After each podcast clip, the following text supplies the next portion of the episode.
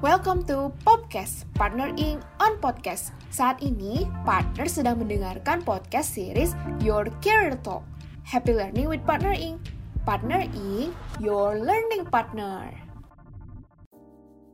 Halo, aku Viola yang akan menjadi teman bicara hari ini. Saat ini, aku sedang menjadi Digital Learning Content Writer di Partner Inc.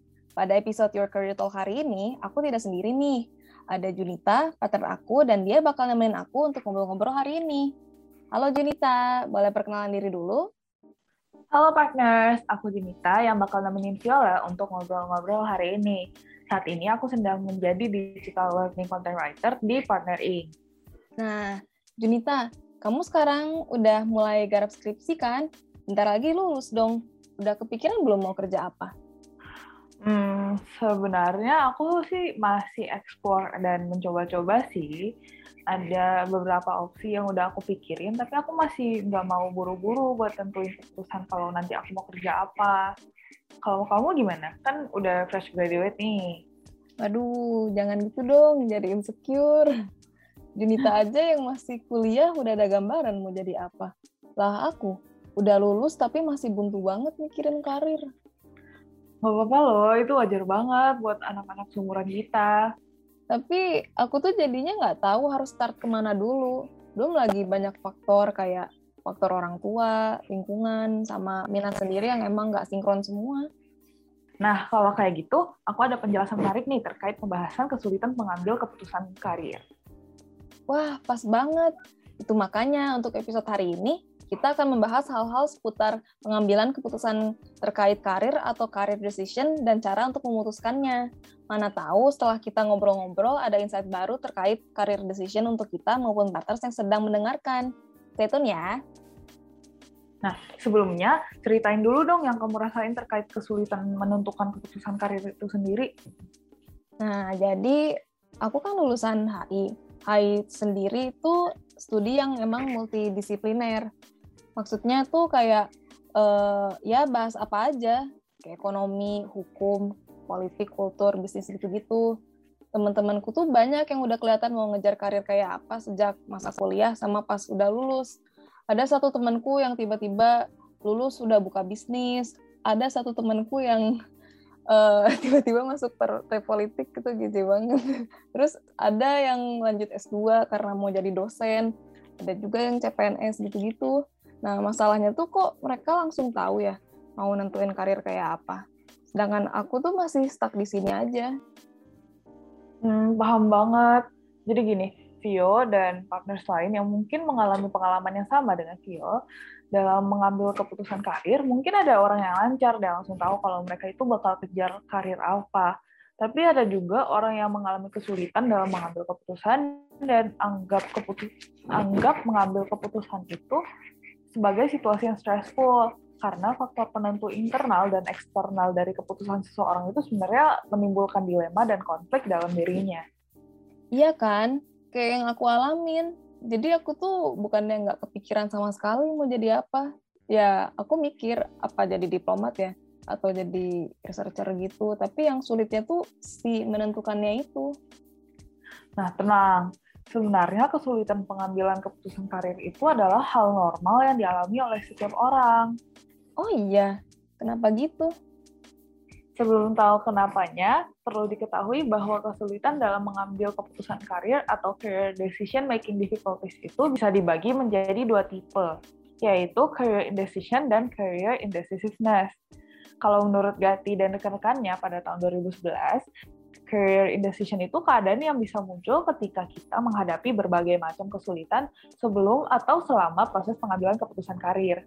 Nah, kalau career indecisiveness itu bentuk mirip sifat akan keraguan-raguan yang terus bertahan seiring waktu dan situasi. Terus, kalau career indecision itu keadaan yang sangat mungkin dialami mayoritas orang di momen-momen tertentu dalam kehidupan mereka waktu mereka dihadapi dengan keadaan yang harus mengambil keputusan karir dalam masyarakat modern ini. Kebanyakan yang mengalami career decision sih bakal selesai sering waktu berjalan, mau itu diselesaikan sendiri atau dibantu dengan konselor karir. Tapi, kalau career indecisiveness itu jenis kesulitan pengambilan keputusan karir yang lebih kronis, Dan ini karena masalah emosional atau faktor terkait kepribadian. Menarik ya, indecision sama indecisiveness itu sebenarnya artinya mirip kan? Keraguan. Tapi ternyata degree-nya beda juga ya. Aku jadi penasaran, kalau cara kita tahu kita udah masuk tahap karir indecisiveness itu gimana ya? Maksudnya ya pas separah apanya gitu? Nah, kalau menurut jurnal dari Fabio dan rekan-rekannya tahun 2012 yang aku baca, orang-orang yang mengalami indecisiveness dengan tingkat tinggi itu ada beberapa karakteristik nih. Mereka butuh lebih banyak waktu untuk memilih di antara pilihan atau alternatif yang berbeda. Mereka juga menggunakan strategi pengambilan keputusan yang kurang efektif. Mereka membutuhkan lebih banyak upaya kognitif dalam mengambil keputusan mereka lebih merasa terancam oleh situasi ambigu dan mereka itu lebih mungkin untuk menunda pengambilan keputusannya. Jadi singkatnya, career indecisiveness itu adalah tahap ketika seseorang tidak mampu menentukan keputusan karir karena faktor internal dalam diri. Misalnya adanya anxiety. Hal ini diakibatkan oleh kepribadian seseorang serta rendahnya stabilitas emosionalnya. Oh, kalau career indecisiveness itu berdasarkan faktor internal yang lebih kompleks ya?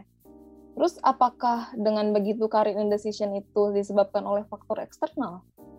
Sebenarnya bisa dikatakan iya.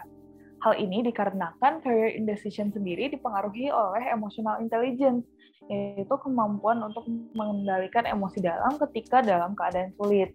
Nah, faktor eksternal sendiri yang mempengaruhi bagaimana setiap orang dapat beradaptasi secara emosional. Itu yang menjadikan faktor eksternal ini mempengaruhi career indecision juga faktor eksternalnya ini seperti apa? Ya seperti kurangnya support keluarga. Oh, berarti aku nih berada dalam tahap career indecision ya? Soalnya aku ngerasa perasaan kalau karir ini masih belum separah itu sih. Mungkin cuma males aja nyari uh, startnya harus dari mana gara-gara si faktor-faktor eksternal itu tadi. Nah, maka dari itu harus start dari mana ya untuk mulai mengatasi kesulitan memilih karir? Oh, kalau tentang hal yang bisa kita lakukan untuk start memilih karir, Indeed.com ada jabarin beberapa langkahnya nih. Langkahnya ada tujuh. Pertama, kita bisa mulai dengan self-assessment atau melakukan refleksi terkait diri sendiri. Jawaban dari refleksi diri ini membantu kita dalam membuat keputusan karir. Oh, aku sering denger tuh self-assessment, tapi ternyata bisa dilakuin sendiri ya? Gimana caranya?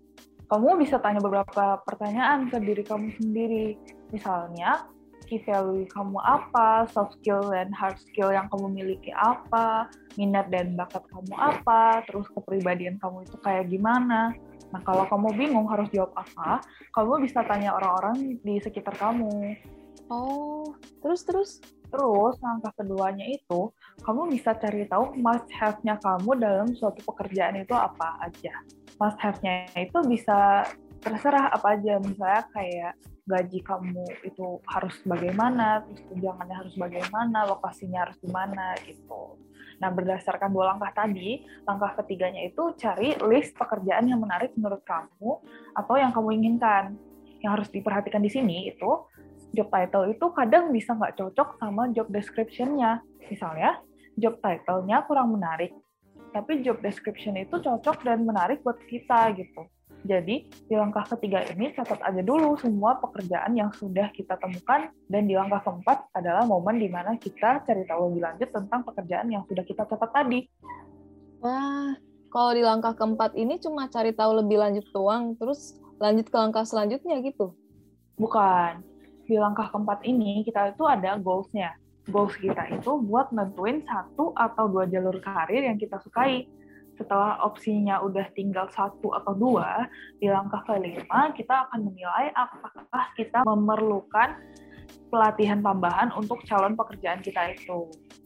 Kalau di langkah kelima, kita sudah melihat bahwa kita memenuhi syarat untuk jalur karir kita yang kita pilih, kita update resume kita, terus kalau di langkah kelima ini kita lihat kita sudah memenuhi syarat untuk jalur karir yang kita pilih tadi, kita update resume kita untuk mencerminkan kalau keterampilan kita itu relevan dengan pekerjaan yang akan kita lakukan nanti. Latihan tambahan ini kayak kursus online Coursera atau Excel gitu-gitu ya? Terus kalau udah update resumenya yang sesuai, kita ngapain lagi? Nah, setelah kita udah update, langkah keenam itu adalah saatnya kita melamar pekerjaan sesuai dengan yang kita tentukan tadi. Kalau sudah lolos, langkah ketujuhnya itu adalah menyesuaikan diri dengan pekerjaan baru kita, terus tumbuh dan belajar, dan berkembang sambil kita perdalam pemahaman tentang diri kita sendiri, industri di mana kita berada, dan apa yang terbaik untuk diri kita sendiri. Wah, kalau bisa aku rangkum, berarti kita mulai dari self-assessment dulu ya.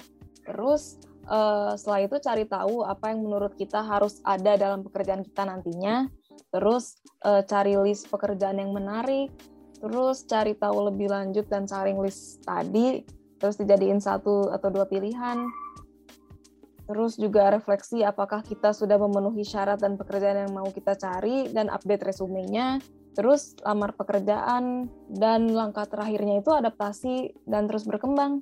Iya bukan? Bener banget. Gimana tipsnya, Viola, kalau buat partners yang sedang mendengarkan, bagaimana? Menarik banget sih. Ternyata aku nggak dikasih tips buat menentukan karir aja, tapi untuk start ngelamar kerjanya juga. Junita keren banget sih. Ah, bisa aja. Oke, tidak sadar, ternyata kita udah cukup lama ngobrol ya, dan kita udah sampai penghujung dari episode hari ini. Semoga untuk partners yang sedang mendengar atau punya pertanyaan kayak, aku mau kerja apa ya atau gimana sih buat tahu aku mau pilih karir apa itu bisa terbantu dengan podcast kita hari ini ya. Semoga uh, jangan lupa topik podcast selanjutnya akan lebih menarik lagi. Terima kasih karena telah mendengarkan Partner Ing On Podcast episode ini. Keep updated dengan episode-episode terbaru podcast di Spotify, Google Cast, dan Apple Podcast follow media sosial kami, dan kunjungi website Partner Inc. di www.partnerinc.id. With Partner Inc., keep learning.